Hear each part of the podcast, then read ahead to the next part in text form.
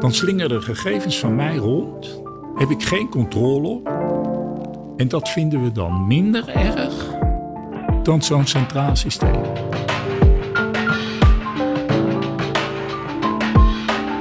Welkom bij Nick Talk, de podcastserie van Nictis, waarin we vanuit verschillende invalshoeken ingaan op de vraag: wat is er eigenlijk nodig voor goede digitale informatieuitwisseling in de zorg?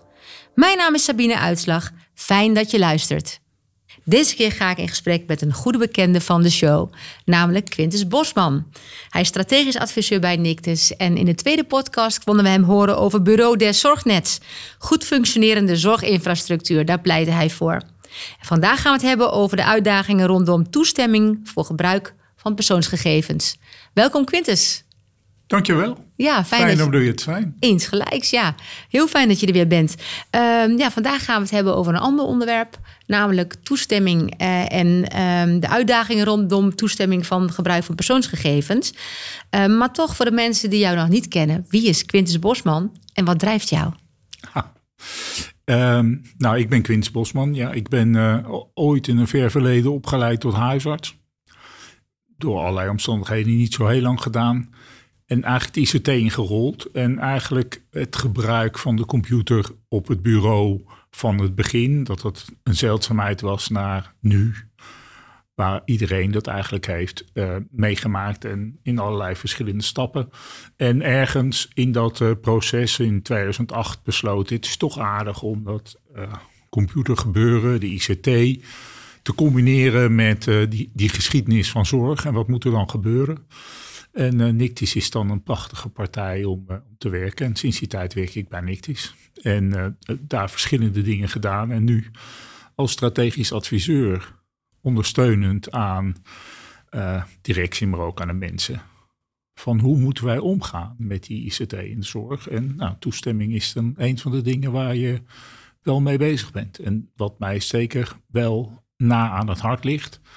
En het goed gebruiken, het optimaal gebruiken van ICT als gereedschap in de zorg. Daar sta ik voor. Ja, Quintus, we gaan het vandaag hebben over dus, uh, ja, de uitdaging rondom de toestemming van gebruik van persoonsgegevens. Uh, jouw collega Brent Opmeer heeft in de vorige podcast ook gesproken over dat juridische aspect, wat toch best nog wel een uitdaging is. Uh, nationaal en internationaal, maar laten we het even bij nationaal houden, al een hele uitdaging is. Um, wat voor uitdagingen zijn er eigenlijk? Kan je daar nader op ingaan? Bij toestemming, ja.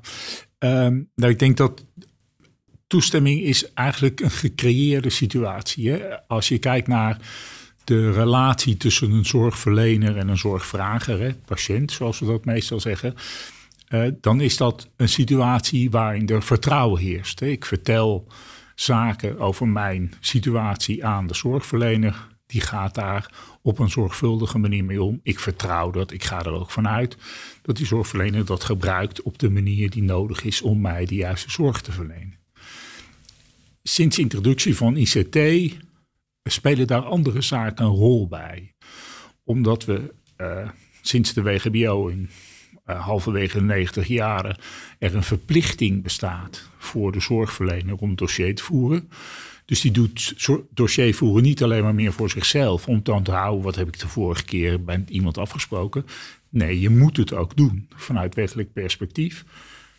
We de patiënt een rol gegeven hebben omdat hij mag meekijken. Je mag ook zien wat er is eigenlijk onderdeel geworden van dat dossier van hem of haar.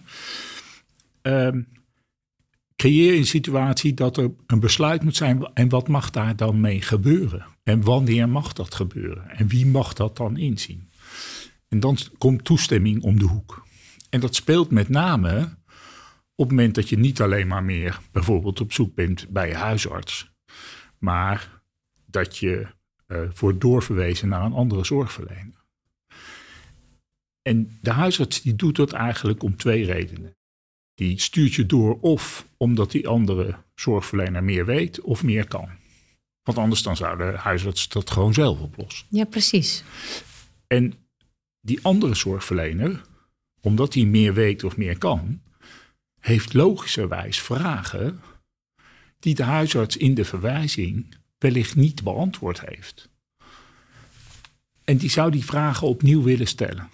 Nou, en in de oude situatie betekent dat je pakt de telefoon en dan word je gebeld. Nou, we weten allemaal dat het bereiken van een zorgverlener Ja. via de telefoon geen, geen simpele zaak is.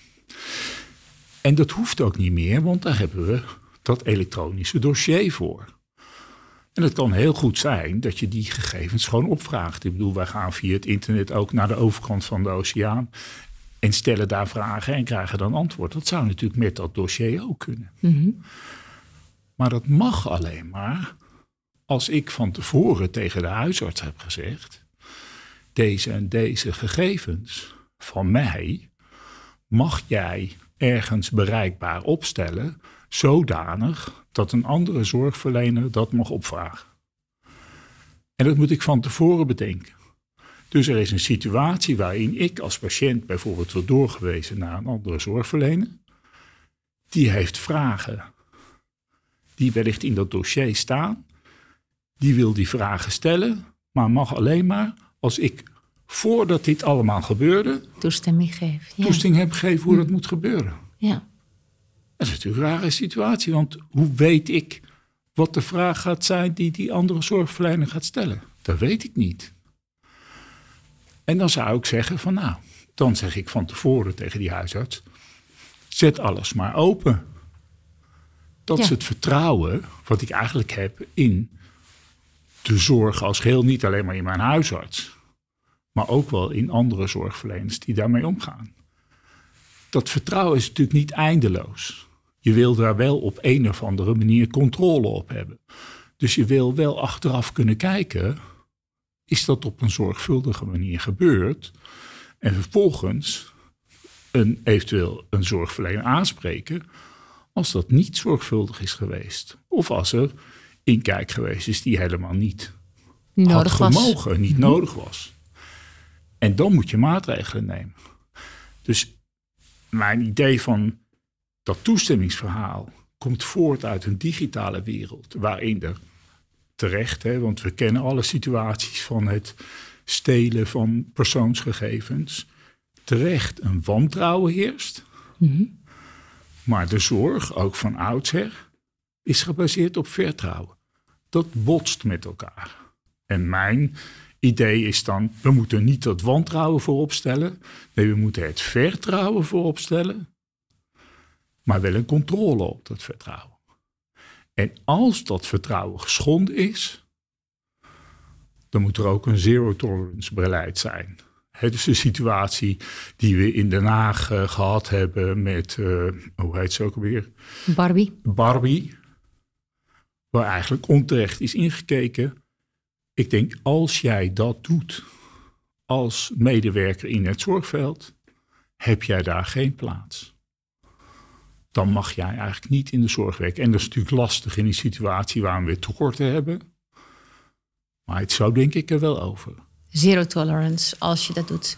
Als je het baseert op vertrouwen, zero tolerance als je dat vertrouwen negeert. Dit is hoe jij het ziet, eh, Quintus. Zo zie. Zo zou het moeten. Eh, waarbij je aangeeft van het vertrouwen moet de basis zijn. En eh, niet gestolde wantrouwen, want daar hebben we allemaal ontzettend veel last van. Maar dan moet je ook heel veel rapporteren, ver- verslaglegging doen, enzovoort, enzovoort. En die tijd wil je graag besteden aan die patiënt natuurlijk en aan je vak. Eh, wat gaat er dan nu mis concreet? Nou, wat er nu misgaat, zijn een aantal dingen. Kijk, de gedachte achter eh, de patiënt, in, of de burger eigenlijk, in die positie plaatsen van ik heb regie over mijn zorgproces. We willen graag dat eh, degene die zorg vraagt over dat zorgproces meer verantwoordelijkheid neemt, maar ook meer regie krijgt om dat te doen. Dat kan alleen maar als ik weet wat er gebeurt. Dat betekent dat ik eigenlijk zicht moet hebben over wat is er allemaal van mij, over mij, opgeschreven ergens. En ik heb niet een enorme ziektegeschiedenis, maar in de 66 jaar van mijn leven is er wel het een en het ander gebeurd. Als je aan mij vraagt, waar zijn al die gegevens? Ja, ik weet het niet. Ik heb in ziekenhuizen gelegen die er niet meer zijn. Die zijn gefuseerd met andere ziekenhuizen of verplaatst. Of er gegevens zijn en waar, weet ik niet. Als mij regie wordt gegeven, lijkt het me dat ik ergens zou moeten kunnen vragen: waar zijn gegevens van mij? Maar ik kan dat nergens vragen. De, de, de, de overheid, de wetgever zegt tegen mij: je moet regie nemen. Ja, maar hoe dan? Ja. Maar als ik wil weten waar zijn gegevens van mij, dan moet ik alle zorgaanbieders in Nederland af gaan bellen. Ik moet ze te pakken krijgen. Ik moet aan ze vragen of er gegevens van mij beschikbaar zijn. En vervolgens moet ik tegen die zorgverlener, tegen die zorgaanbieder eigenlijk zeggen wat hij ermee mag doen. Ik wil dat ik ergens kan opvragen waar zijn gegevens van mij. En dat ik vervolgens vanuit mijn stoel en mijn bureau kan aangeven en wat mag daarmee gebeuren. Dat is waarachtig de manier waarop we nu. Zo regel je je financiën, zo regel je je vakantie, zo heb je contact met familie in het buitenland. Maar als het gaat over mijn zorg, waar men wil dat ik regie inneem, dan zijn die faciliteiten er allemaal niet. Dus eerst is dat ik zicht moet krijgen waar zijn gegevens van mij.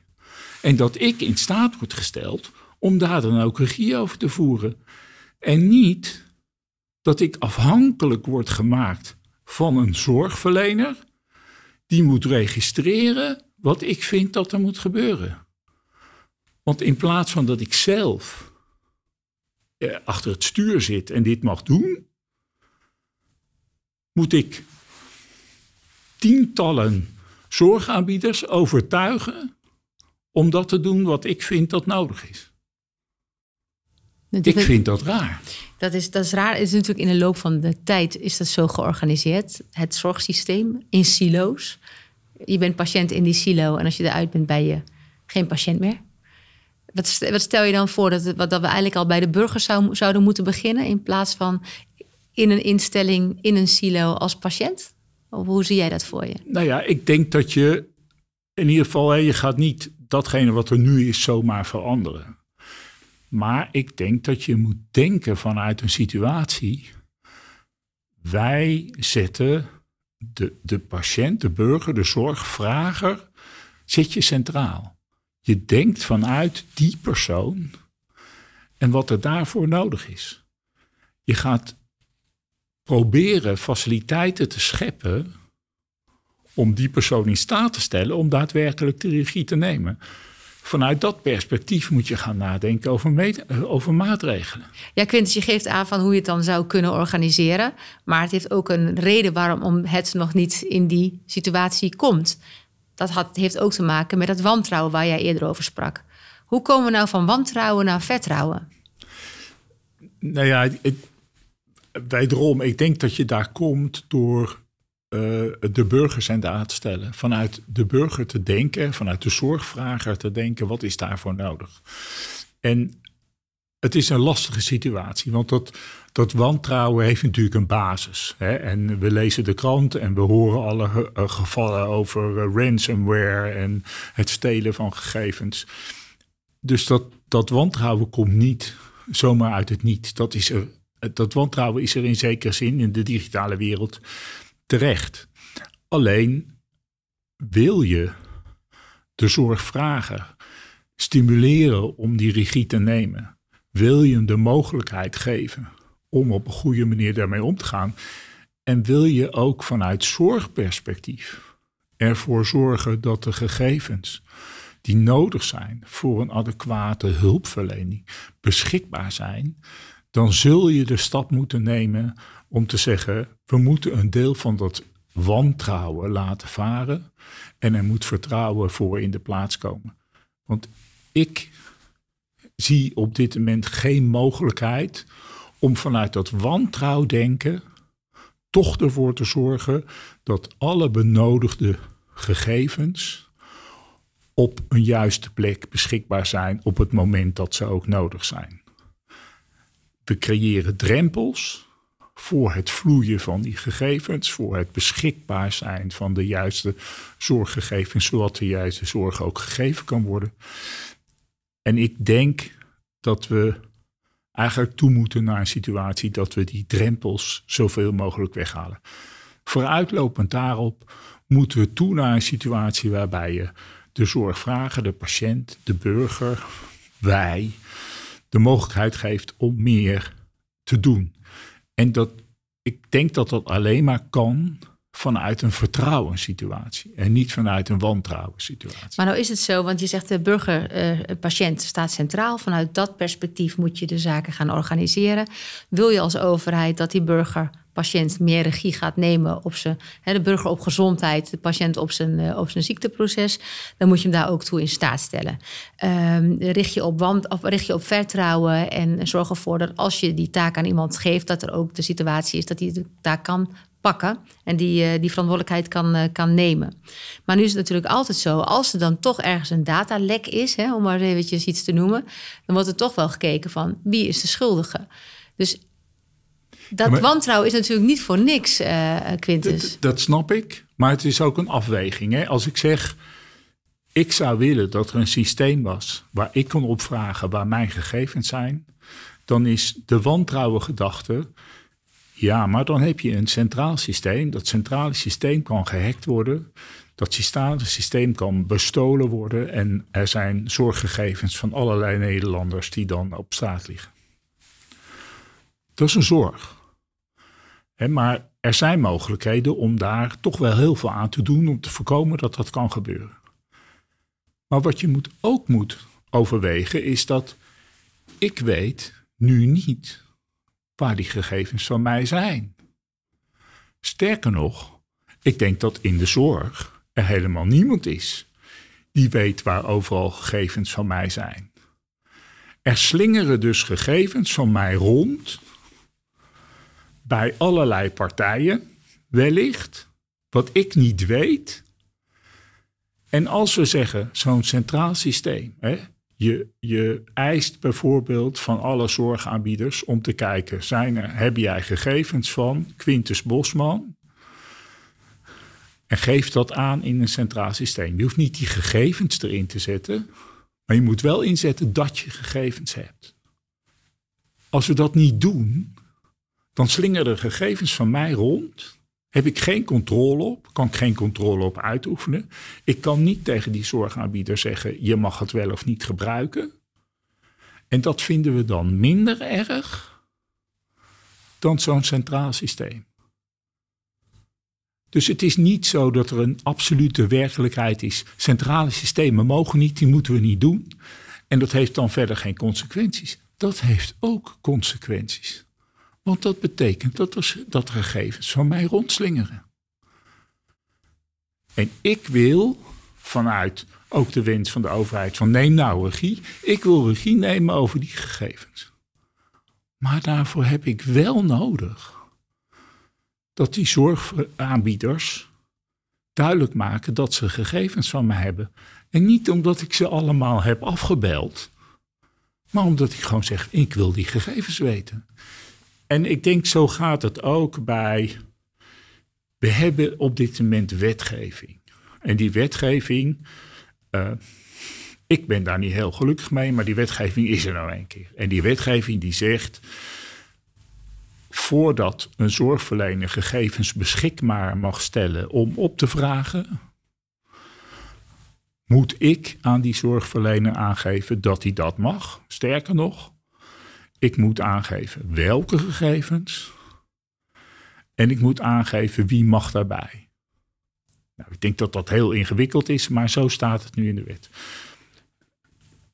Een stap richting dat vertrouwen, wat mij betreft, is dat je naar een situatie toe gaat dat je zegt van zoek nou naar technische mogelijkheden. In ieder geval in een eerste stap dat ik dat kan doen zonder dat ik naar al die zorgverleners toe moet. Zorg dat er een centrale plek is waar ik in ieder geval kan aangeven welke soort van gegevens vind ik dat beschikbaar mogen zijn voor andere zorgverleners. Maak mogelijk dat als ik zeg, ik maak me daar geen zorgen over, over wat daarmee gebeurt. ik heb vertrouwen in die zorg, dat ik zeg, ik zet het open. Maak mogelijk dat dat kan. Dat is al een mooie eerste stap, zeg Dat is een mooie eerste stap. En voor mensen die minder vertrouwen hebben, creëer dan in ieder geval een situatie dat als je verwezen bent of je komt bij een zorgverlener die niet zomaar een dossier van jou heeft, dat je ter plaatse kan aangeven: ik geef jouw toestemming om gegevens op te halen bij andere zorgverleners. Dus creëer een technische mogelijkheid dat gegevens eventueel kunnen worden opgehaald als ik bij een andere zorgverlener zeg: jij mag mijn gegevens ophalen. Want dan ben je vanuit de patiënt aan het nadenken en gaan kijken van wat kan ik doen om dat voor elkaar te krijgen. En wat gaat er nou, want dit klinkt als een heel plausibel verhaal. Wat hebben we dan nodig om dit te kunnen bereiken met elkaar? Wat is het stappenplan? Zoals Conchita die zei het in de eerste podcast ook. We hebben een marsroute nodig. Een, een, een, een, we gaan die kant op met elkaar. Wat heb jij dan nodig? Wat hebben wij nodig, bij burgers nodig, om daar naartoe te kunnen groeien? Nou ja, ik denk dat je, twee, dat je twee stromen hebt. Aan de ene kant is de stroom van de regelgeving zoals het er nu is, vind ik eigenlijk niet goed. En ik vind dat daar serieus naar gekeken moet worden. Maar we weten allemaal, dat zijn soms hele uh, langdurige trajecten.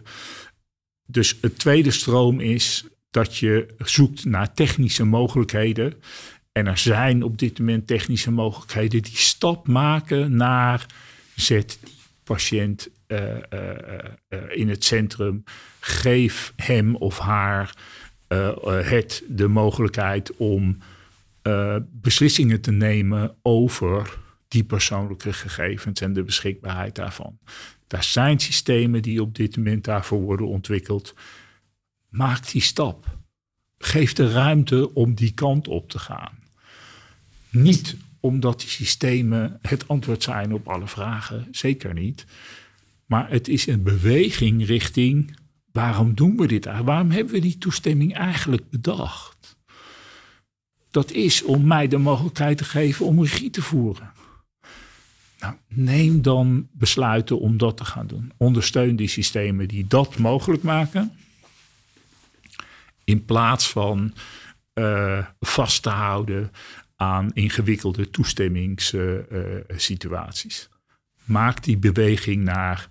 Geef mij de mogelijkheid om van achter mijn bureau mijn toestemmingen eh, te regelen. Geef mij de mogelijkheid om, als ik bij een zorgverlener ben, die zorgverlener toestemming te geven. Nou, er zijn systemen die op dit moment daaraan werken om dat mogelijk te maken. Nou, zijn er ook innovaties in Nederland die dit ook al mogelijk maken? Uh, mensen zijn in ieder geval bezig met uh, toestemmingssystemen. MITS is een dergelijk systeem. In spoedsituaties wordt aan spot gedacht. Nogmaals, is dat het antwoord op alle vragen? Nee, zeker niet. Lopen we daar nog tegen problemen aan? Ongetwijfeld. Maar het is wel een beweging richting het uh, positioneren van de zorgvrager als centrale figuur. Want die kan op afstand iets zeggen over het beschikbaar stellen van gegevens. Wat ik dan wel interessant vind, Quintus, want op zich is hier geen spel tussen te krijgen. Um, dat doe je ook heel goed en heel bevlogen. Denk van ja, waarom is het nou zo moeilijk? Maar deze situatie is natuurlijk niet voor niets dat het ook zo, zo is zoals het nu is. Er, er is blijkbaar onderliggend iets. Wat we nu, het is heel praktisch, we lossen het zo op. We hebben je wetgeving moeten we aanpassen. We moeten technische mogelijkheden hebben om die kleine stapjes te maken. Maar blijkbaar is het iets wat uh, deze situatie zoals die nu is, wat eigenlijk onlogisch is, omdat het niet past bij de regie terug naar de burger en naar de patiënt. Maar wat het in stand houdt. Wat is dat? En dan wil ik graag een laagje dieper gaan met je. Wat zit daar dan onder, onder al die systemen, verstroming die maakt dat het toch lastig is. We komen er wel, maar waarom is het zo lastig? Nou, het is, het is lastig omdat uh, die uh, persoonsgegevens hè, en medische gegevens hoor dan, uh, of je dat nou in Nederland bekijkt of Europees of wereldwijd, maar eigenlijk altijd tot de, de hoogste categorie, de zwaarste categorie. Daar moet je heel voorzichtig mee zijn. En daar mogen mensen niet mee op stap. En dat is ook terecht. Want uh, gegevens in jouw dossier kunnen misbruikt worden door verzekeraars bijvoorbeeld. want als jij geen verzekering kunt krijgen, omdat er zaken in jouw dossier staan, uh, dat zou heel vervelend zijn. En je kunt als uh, persoon onder druk gezet worden om bepaalde besluiten te nemen vanwege gegevens die in je dossier aanwezig zijn.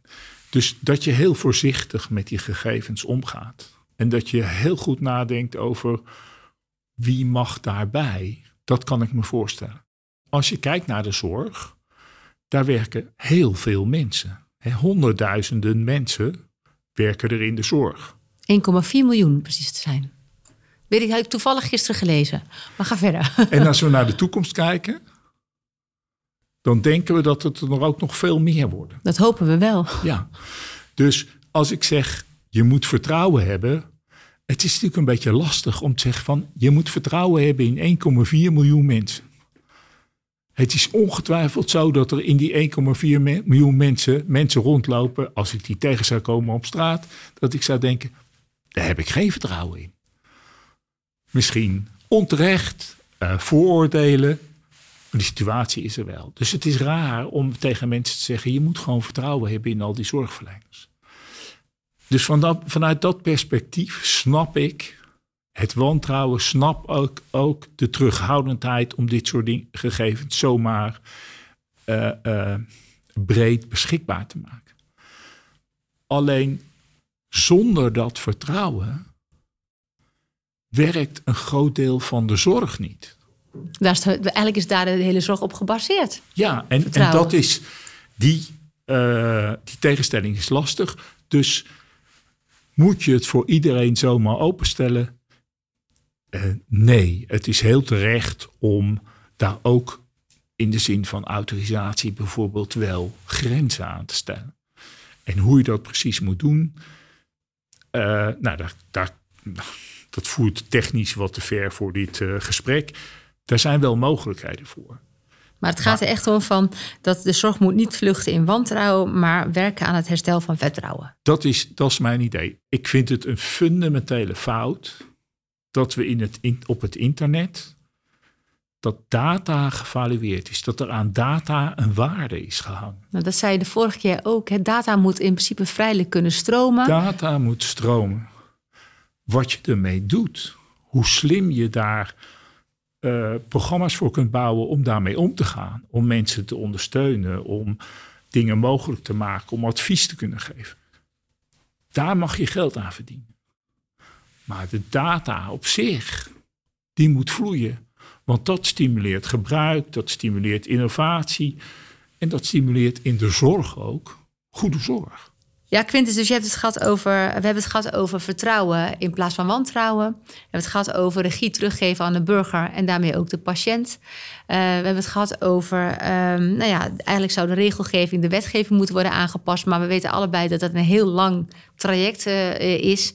Maar het tweede is dat wat we nu meteen kunnen doen, zijn die technische mogelijkheden om de patiënt daadwerkelijk in het centrum te zetten. En alle behandelingen en alle doorstroom van uh, in al die echelons. Om te zorgen dat die patiënt daadwerkelijk in het, in het centrum blijft staan om dat goed te organiseren. Um, ja, wie is daar nu aan zet? Ja, ik denk twee partijen. Aan de ene kant uh, zeg maar het wetgevingsproces. Ik denk dat die wet anders moet. Maar dat is lange termijn. En korte termijn, dat zijn de partijen in het zorgveld, eh, VWS, maar ook veldpartijen, ook NICTIS, om ervoor te zorgen, zet die patiënt en maak keuzes zodanig dat de zorgvrager een positie heeft in wat mag er wel en wat mag er niet. En niet op een ingewikkelde manier, maar maak dat eenvoudig. Oké, dus dat de, de, de big and hairy goal is we, we gaan die patiënt centraal stellen. En de vraag is van welke partijen hebben we nodig om dat daadwerkelijk in die praktijk technisch ook mogelijk te kunnen maken. Punt. Ja. Mooi. Als we terugkijken naar deze podcast, zijn er nog zaken waar je zegt van nou, daar wil ik nog wel even extra bij stilstaan. En wil je ons nog iets meegeven? Zijn de zaken niet genoemd? Nee, ik denk dat je het goed ver, uh, verwoord hebt en, uh, en samengevat hebt. Uh, vertrouwen. Terug naar vertrouwen in de zorg. Dat is echt belangrijk. Het is aan mijn hart gegrepen. Dankjewel, Quintus. Graag gedaan. Ik kan me zo voorstellen dat je na het beluisteren van deze podcast vragen, ideeën, suggesties of misschien wel een discussie wil opstarten. In de beschrijving van deze podcast vind je dan ook de link naar de LinkedIn-pagina van Nictis. Als je daarop klikt, kom je op deze pagina terecht en daar gaan we dan met elkaar in gesprek. In de volgende podcast gaan we het hebben over de internationale kant van digitale informatieuitwisseling. Super interessant dus, dus volg ons. Vond je dit nou interessant en wil je er meer over weten? Nogmaals, volg ons dan. Deze podcastserie Nick Talk. Ik zou zeggen, dankjewel voor nu en tot de volgende keer.